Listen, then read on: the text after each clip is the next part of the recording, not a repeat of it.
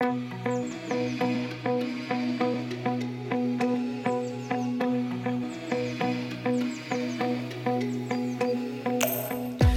60% af allri orgu sem notur hér á landi er heitt vatn til húsittunar, baða og annara neyslu.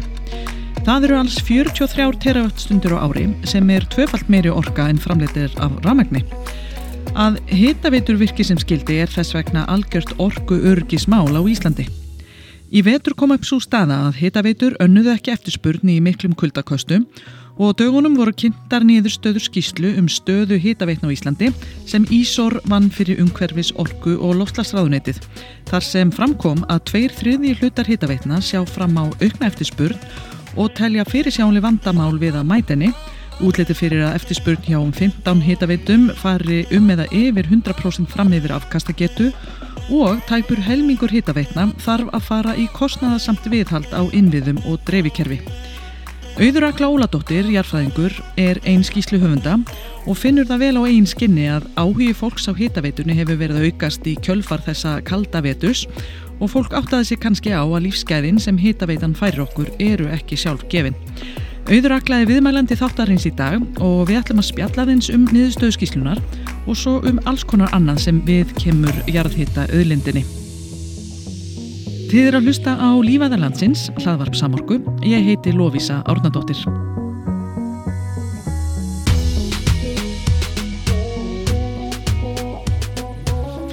Vertu velkomin, auðragla. Takk fyrir. Langar bara svona aðeins að byrja á byrjunni. Þú ert jarðfræðingur. Já. Hvernig svona byrjar þinn áhuga á, á jarðfræði? Sko, það var maður þarf að hugsa tilbaka. Sko, ég hef alltaf haft rosa gaman á útiveru og uh, fjallgöngum og öllu þessu og svo hef ég alltaf haft gafan á svo mörgu þannig að eftir mentaskóla fannst mér bara rosalega erfitt að svona finna í hvað átti ég átt að fara og af því að öll þessi áhugamál fóru bara einhvern veginn, já, hinga á þanga en svo hugsa ég bara held ég útivist og útivera hafi svona dreymi í jarfræðina og þess vegna byrja ég í jarfræði Já, þetta samin á svona margt. Já, það gerir það. Og hva, hvað er það við jarðfræðina sem að, hérna, er spennandi? Ég held kannski það sem er mest spennandi er hvað er ótrúlega mikið eftir ógert og ólært. Þetta er alveg bara, og sérstaklega hérna á Íslandi, það er bara ótrúlega margt eftir órannsaka og ógert. Já, nú ofta, maður hefur heyrt að svona talað um að Ísland sé svona einhvern veginn paradís jarðfræðingsins. Algjörlega. Þannig að það er alveg eitthvað til í því. Já, já, já, hér er eiginlega allt sem að, svona, það, er svo, það var svo margt sem getur vakið forvitnum það er alveg sami hvert og í hvaða svið, ekki kannski alveg sami í hvaða svið innan jarðfræðinar, en mjög mörg svið innan jarðfræði getur fengið útrás á Íslandi. Já, sérhæður þið í einhverju sérstöku innan jarðfræðinar eða? Já, ég fór í, í master og þá var ég að skoða eh, koldioxiflæði um, frá jarðisvæðum okay. og það er henni tengis på svona hvernig jarðisvæði breytast með tíma og í tengslum við nýtingu, tengslum við hátavirkjanir. Okay. Og hvernig hefur þetta nýst þér inn í, í framtíðina? Koldioxin er alltaf eitt af stóru málunum sko, þannig að þetta hefur nú nýst mér svolítið og, og, og hérna, mörga stóru orkufyrirtækjunum hér eru að nýta sér þetta, eru að fylgjast með breytingum á, á hjartasvænum sínum og vilja gera vel í því. Einmitt. Ná, en þú vinnur hjá Ísor, Hva, hvað gerir Ísor? Ísor er svolítið kameljón, það er svona í ymsu sko.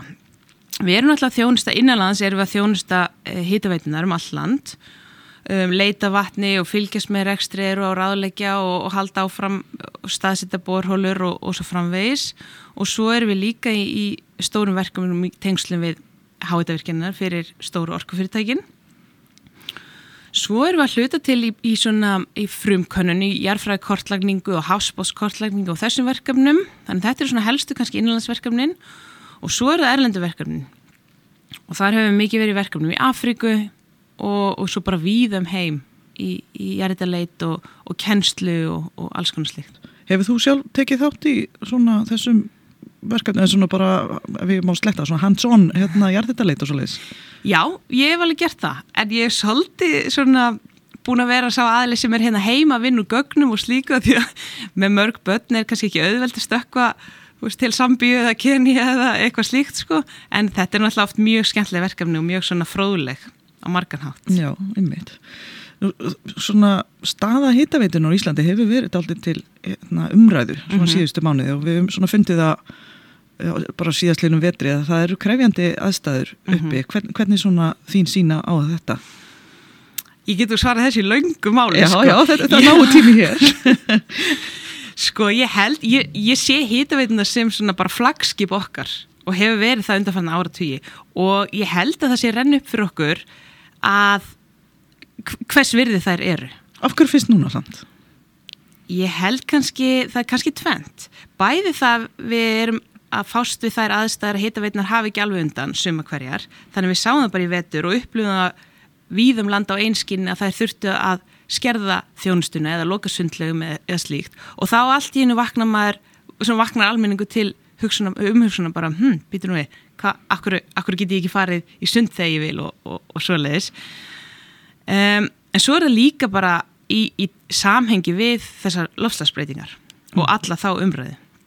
Og þá sjáum við allt í hennu að við okkur bar gefa til þess að 7. og 8. áratug síðustuðaldar að fasa út ólíu og núna bara það hafa sumi leikið segði að framreikna bara hversu mikil ólja hefði farið í húsitunarkostna og þetta er náttúrulega bara eitt stærsta framlega okkar til loslasmáli, það er að hafa stíð þessi skref að nota heitavatni til húsitunar og við erum, er að, við erum að fatta það hvað þetta var ofboslega þýðinga mikið. Já, það er oft þannig ef maður er vanur lífskeið og svo er þetta tekin í burtu, þá fyrst Já, þá kannski, fyrst hyggst að maður aðeins. Já, já, kann maður að mhm. meta þig. Já. Einmitt. En, en svo kannski líka núna, þú veist, við erum svo við erum farin að laða til okkar túrista og nota heitavatni til þess og við sjáum að það er líka bara veist, með öllum sem baðlónum Einmitt. og þá sjáum við hvað útlendingum finnst þetta svakalega flott og aðeinslegt Já, þau spretta nú upp um alland Já, já, einmitt. Er, er, Það nú talað um ég manna orkustofnum spánu fyrir um að, að það verði jafnvel ennþá meiri eftirspurn eftir heituvatni bara í þennan yðnað, ferðamanna yðnaðin Já það er það. Og auðvitað er líka allir ferðarmið sem koma hérna eru náttúrulega nota veitukerfi þau nota heita vatnið og, og, og svo vilja þau komast í svona luxus um, luxuslón þannig að já, við erum alveg búin að fatta þetta. Alveg búin að fatta þetta. Já, já, ég, ég skilða bara mjög vel, það er algjörlega dásanlegt að fara í þessi lón, hvað sem er sko. Mm -hmm. en, en þessi stað í vetu náttúrulega verður til þess að það er kallað eftir, sko, eftir eins konar svona faglegri úttekt á málinu og, og þar komið þig hjá Ísorinn, Hva, mm -hmm. hva, hvað er hvað var gert? Hvað Já, við unnum þess að skýslu fyrir umhverfsorku og loslasmannræðunætið sem að gekk út af það að reyna bara að að kortleggja stöðun eða ná eitthvað neginn svona yfir sín yfir stöðu hitaveitni í landinu þannig að það væri hægt að sjá hver, hversu mikill er vandin og, og af hverju stafar hann og þá næst, til þess að geta tekið næsta skrif og hugsa ok, hvað er þá til úrbúta mm -hmm. þannig að þessi skýrsla á að marka einhver svona grunn stöðu um, um hitaveitunar í dag. Mm, til þess að átt að segja mitt á næstu skrefum. Já. Og hvernig unnu, unnuð þið þetta? Hvernig funduð þið svona forðastæði þetta verkefni? Við, þetta er náttúrulega svolítið fyndi ég búin að hlæja svolítið eftir og þetta hljóma svolítið einfalt að bara já, kort, gerum grein fyrir stöðu hýtaveitna ok, svo leggum orsta og þá er þetta náttúrulega eins og, eins og stór verkefni eru. Það eru tvö skrið áfram og eitt aftur og bak og, og svona mjallast þetta áfram. En við sem sagt mátum svona þvinguðum allar hittaveitinar í svona matskerfi. Þannig við mátum tíu ólíka þætti í rekstri hverja veitu þannig að við gætum rauninni svona metið hverja veitu og svo borið alla veitur saman. Og hvað er þetta margar hittaveitur sem að þið mátuð? Já, það var nú eitt af skilgrinna útmörkin á því. Við endum á að taka alla reglugjara veitur, þar að segja allar, allar veitur sem starfa eftir reglugjara sem eru allar helstu hittaveitur landsins. Þetta eru 50 veitur úr, sem að vinna úr 63 vinslusvæðum held ég sé alveg öruglega, já að því að suma veitur er að, er að taka vatn úr fleirin einu jæratisvæði og stundum tengja saman á eitt veitukerfi stundum tengja saman eða þú stundum tengja ekki saman á veitukerfi þannig að þetta er svona alls konar og auðvitað flækti það svolítið stöðuna hvað veitunar eru ólíkar Já, og, og, og þú segir að þetta séu regluger, ne, já, reglugerða veitur eins og kallaðar, mm -hmm. eru sérst þá fleiri til líka? Já, það er alveg fjöldin allur af mjög litlum veitum sem getur verið allt frá því að vera bara eitt landiðandi með eina gamla hólu í sjálfrensli sem að nýtir heitt vatn sko. og við tókum þær ekki með. Nei, einmitt. Og hvaða matstættir voru þetta sem tó þið tóku til skoðunar? Sko, við svona, það helst, helstu þættinu eru um, jarfræðilegt, það sem við kallum jarfræðilegt þekkingstig, það er, er hversu vel þekki við jarðasvæði sem er að vera við núr, það er eh, hversu erfiður er, er vögvin, hversu efnufræði í vögvinum, að því að stundum getur verið selta eða eða ímislegt súröfni í vatninu og eitthvað sem að gera hlutin aðeins erfiðar en að nýta. Um, það er uh, vinslu sagasvæðisins hvernig hefur þetta gengið um, og það er uh, svona afkastsvæðisins hversu mikið getur að gefið það er eftirspurnin og svona ímsir þannig þættir hýtastíð vassins og, og slíkt sem að við já, sem við mátum Þetta eru 50 veitur og, og svona hver, hver, hver var niðurstaðan? Sko, stóra niðurstaðan er kannski svo að margar veitur eru í margar veitur, nei, það eru nokkra veitur sem eru í komnar í vanda. Það eru ekki margar, en það eru margar veitur sem horfa fram á vanda á næstu árum. Það vandar þekkingu á sveðanum, sumum, um, og það vandar aðgangað að bortækjum. Og það hefur verið bara svolítið svona akkilessar hæll hérna að, að það vilja allir fá bor, en, en það er ekki nægt frambóð á, á bortækjum. Og svo vandar oft fjármagn hýtaveitna vantar uh, fjármagn og þetta tengis náttúrulega rekstri sveitafélagana og slíkt. Mm -hmm. Þetta er náttúrulega mjög dýrar aðgerðir það ekki að, að bóra rannsóknarhólur. Jú, þetta, þetta er uh, stóru upphæði, hversu stórar er... er Við getum sagt að litlar uh, hýtastjólshólur sem eru bara bóra kannski 100 metru hóla bara til að kanna hýtastjólinn í, í efstu lögum hérna jarðarinnar, það er kannski eitthvað starf bilinu 2-5 miljónir mm. um, fyrir full, fullbúna hérna, vinsluhólu þá erum við alltaf að tala um upp, upp á sko, 100-200 miljónir það, það er ein vinsluhóla já, ok, mm -hmm. sem að kannski já, það, það er þá hóla sem er komin í einhvers konar, þess að ekki bara já, eða sem að skilar þá einhver heitu vatni væntarlega vonandi, já. Já, ok, þannig að það er ekki einu sinni vist. Nei, jú, ég, ef, ef við tölum um vinsluhól sem hefur lukast, þá eru 100-200 miljónir. Mm. En jarðarleit er ekki einföld. Nei. Og í, í hverri jarðarleit er alltaf borar mislukar hólur eða hólur sem tókust ekki. Mm -hmm. Það er mhm. bara óhjákamilu hluti af, af þessu. Já. Þannig að þetta er náttúrulega nokkuð stór biti fyrir sveitafélag sem er náttúrulega öllum stærðum og, og gerðum. Algjörlega, þetta er bara stórt mál.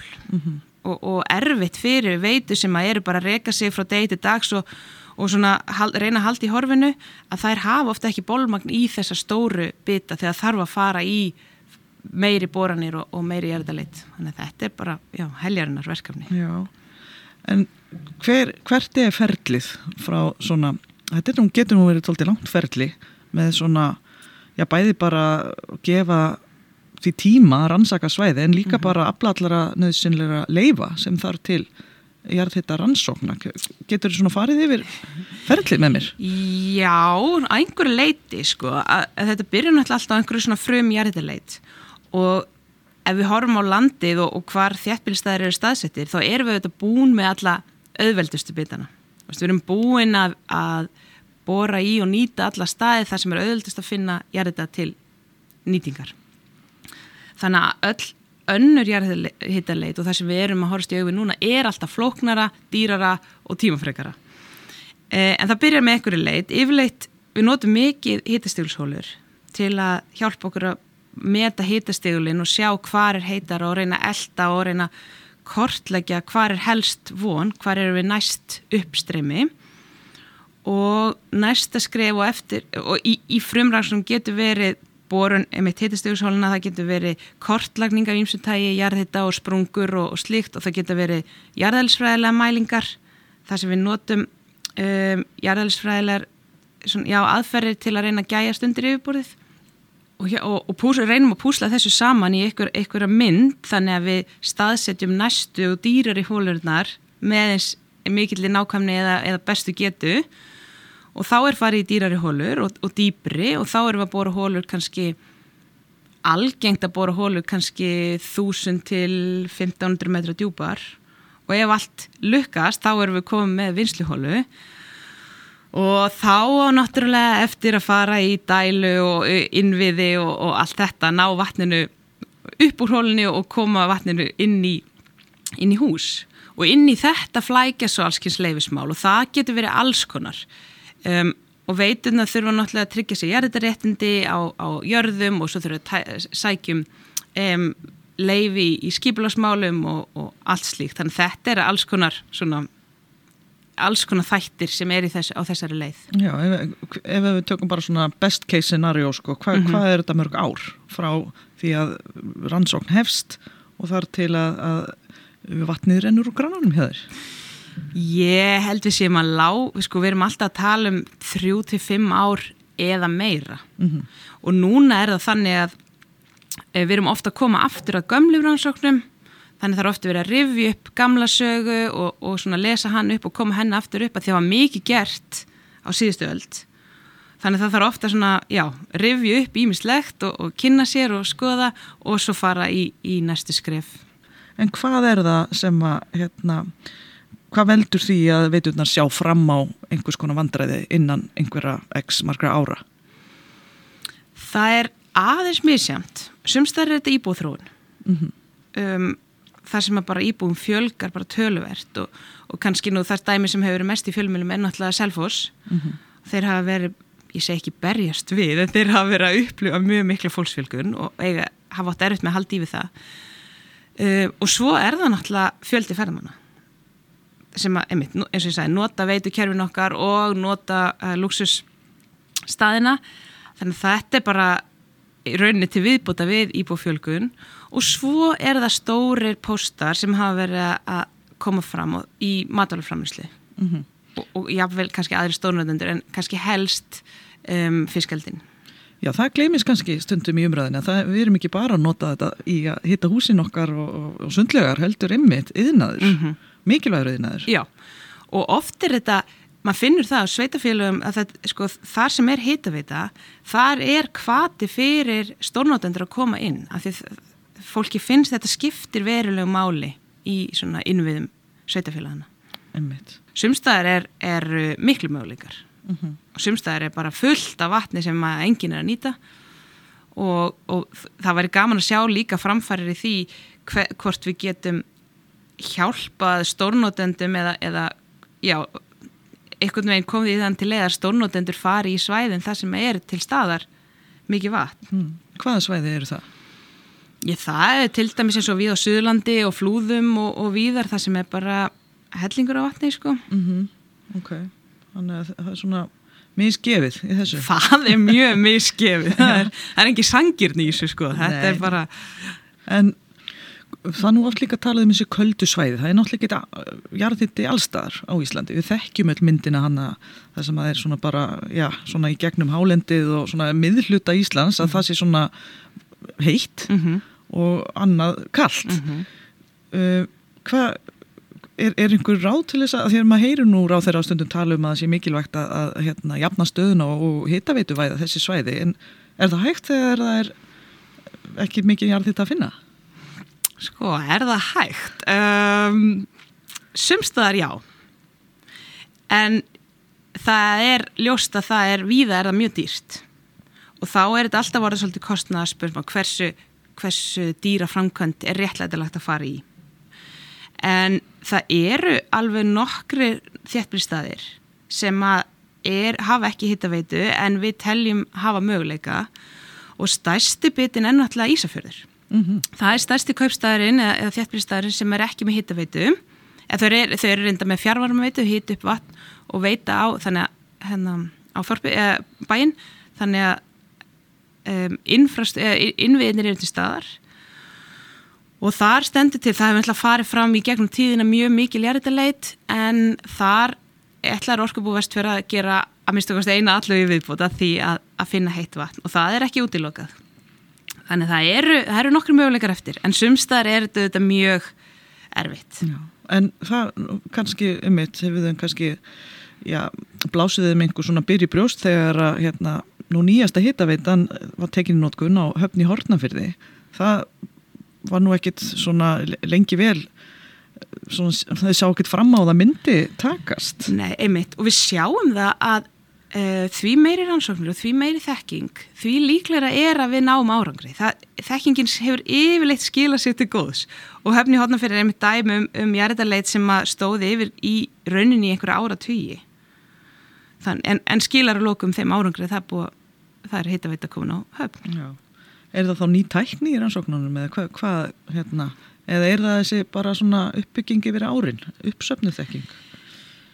Já, ég held ég verið að segja að það er kannski fyrst og fremst þessu uppsafnað þekking og, og, og reynslan og, og þrautsegjan að mm. gefast ekki upp sem, a, sem að skila ráðningu. Mm -hmm. En auðvitað eru við alltaf smá saman að reyna að nota nýja tækni.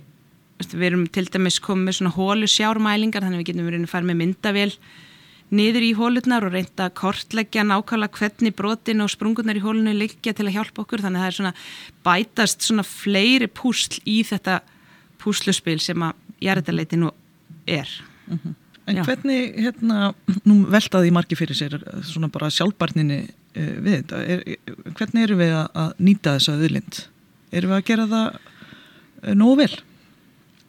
Sko, lang flestur leiti langar með að segja já og mér finnst í rauninni þó ég sé að segja hýtaveitunar, þú veist að vanti þetta og þetta og þetta, þá finnst mér hýtaveitunar lang flestar vera að gera eins mikið og þau geta. Og þær vilja fara vel með svæðin sinn og þær vilja gera vel. Um, það eru tilfelli þar sem við erum kannski farin að ganga svolítið á svæðin þar sem að, það fyrir að taka meira upp heldur en svæðið þólir og þá sjáum við merkið þess í jarðakerfinu þrýstilækun eða vassbóslækun eða, eða það verður dræðin seltu og alls konar svona atrið sem eru svona beresmerki en það er ekki það sem að veitin að vilja. Það, þá eru all, allir að reyna að, að bæta hlutina. Um, þannig í flestum tilfellum erum við að tala um mjög svona sjálfbæra og, og fallega nýtingu af vatni. En þetta er svona eins og í heimilsbókaldinu sko, besta sparnaðaráði er ekki eða þú veist, besta ráði til að vera ríkar er ekki að vinna meira heldur, að, heldur að veist, bara útgjöldin sko Já. og halda þess í við og þar þurfum við að gera betur Þú ert að tala um bara eins og mig og þig Já, skilur, ég er svolítið að tala um Já. bara okkur sko. og við erum, við förum bara í eins langa styrtu og við viljum og, og, og svona okkur finnst ástæðalust að breyði við sundlöðuna þó þess að ég er búið að sína fram og það er sagt að spara mjög miklu orku því að, að breyði við sundlöður á nóttinni þannig að það er ótal tækifæri þarna í betri nýtingu þannig við förum betur með það vatn sem við nú þegar tökum upp mm -hmm.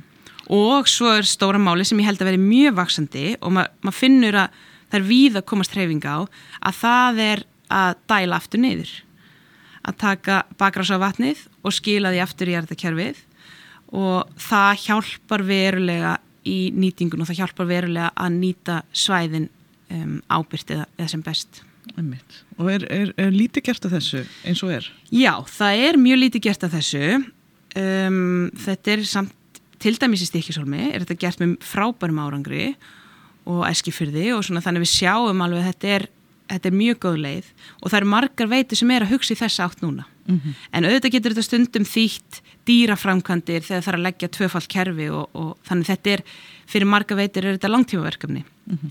en maður finnur að, og, og heyrir að þetta er, það eru margir að hugsa í þessa átt mm -hmm. Hvernig svona hefur þessari skýslu verið tekið?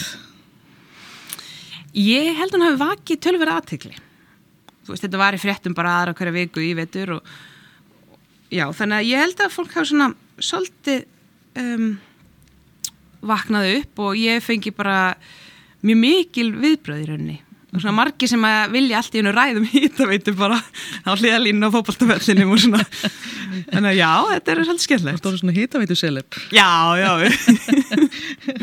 Það er bara skemmtilegt. Já, ég segist vera hérna svona talsmaður hýta veitnana já Já, eigum við ekki öll að vera það? Jú, ég held það, Já. við getum öll verið það og, og svona, eigum við raunin að hampa þessu sem mest sko. Akkurat, en það er einmitt, þetta er alltaf svona mikilvæg hérna, mikilvæg hluti af sjálfsmynd Íslendika Vi, við viljum nota þetta, við viljum segja að við notum jarðhittan okkar, ég hitta húsinn og Já. eiga alltaf þessar sundlegar og, og ertu, ertu sammálað þessu? Já, algjörlega, ég held að þessi alveg svona samávið okkar svona sjálfsmynd og menningu Já. en við segjum líka ennþá sko held ég að hérna, við ferðum að þetta er svo ódýrt, látt þetta bara renna sko, en við þurfum kannski samt aðeins að taka eitt skrif tilbaka frá því. Já, hvernig, hvernig gerum við það? Hvernig fáum við fólk til þess að hugsa sig aðeins tvisarum áður en að lætu bara renna eða er í hálftíma styrstu við getum náttúrulega að fara í svona vitundavakningu og ég held kannski að orkuveitin eða veitur hafa svolítið stíð fram í því og fóri í, í auglýsingar sem geng út á að svona vekja okkur til umhugsunum bara að hafa ekki opnin og fullu og opið út og láta þetta allt bara, veist, við þurfum ekki að hita upp hérna alrýmið sko, en það er þessi kunst að, þurfum ekki að borga fyrir, þurfum ekki að borga mikið fyrir eitthvað en átta sér samt á að þetta eru veruleg verðmæti Hvað er þá, hver er þá framtíða sínin í hittaveitin? Er, er, er, er flagskipið okkar að sigla í strand? Er hérna, dagar hittaveitu og Íslandi liðnir í náni framtíð? Nei, ég held alls ekki sko. Um, ég held að það sé að renni fyrir okkur og við þurfum svona aðeins að halda utanum hittaveitinar og gegnum tíðina höfum við alltaf þurft, það hefur alltaf þurft stuðning frá ríkinu Já. og allir svona stóri þættir, svona stór framfarskref í sögunni á hittaveitu á Íslandi hafa komið með stuðningi ríkisins þannig ég held að það sé svona við sem að nálgast hann tímapunkt að við þurfum að hita veitna þurfistuðning. Og hefur verið skortur þar á þá undarfarið? Já, Orkusjóður sem var svona um, sá staði sem heita veitna gáttu sótti og sveitufélagin, hann hefur ekki veitt uh, nánast enga styrki frá síðustu aldamótum í Jærdalit. Þannig að það er hérna, veruleg breyting á því en En ég held við sem það, er, það eru hreyfingar í, í þá átt að fara aftur í að veita í, í hittaveitur og jarðarleitt. Þannig það er að þess að breytast aftur tilbaka. Já, svona þegar það er að renna upp fyrir fólki að þetta er ekki alveg sjálf gefið. Já, kannski. akkurat. Já. En hver er þá svona næstu skref, uh, svona hérna, uh, finnst þér? Uh, svona, hvernig ætti þetta gerast? Til þess að, að við, við höldum þessari góðu hittaveitu inn í framtíðina. Sko ég er náttúrulega ekki sérfræðingur í rekstri sveitafélagi, rekstri hýtaveitna en við dreymir um að, að hýtaveitnar eigi auðveldara með að sækja sér styrki þannig þær geti aðeins auðveldar um, stundað rannsóknir eða látið eh, rannsaka svæðin sín og afla þekkingar, farið í boranir og þurfi ekki að fara í þá stöð að verða, veist, að það sé allir orðnir bara stöðrættir sem koma rekstri einhverja veiti að því að vassborður er svo látt og það búið að læka alla dælur og þetta er allt svona nálgast eitthvað kritískan punkt. Mér dreymir um að við getum svona aðeins brugðist við þessu.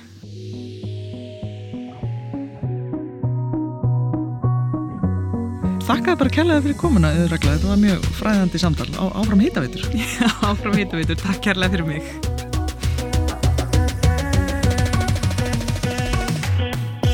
Þið voru að hlusta á Lífaði landsins. Ég heiti Lófís Árnardóttir.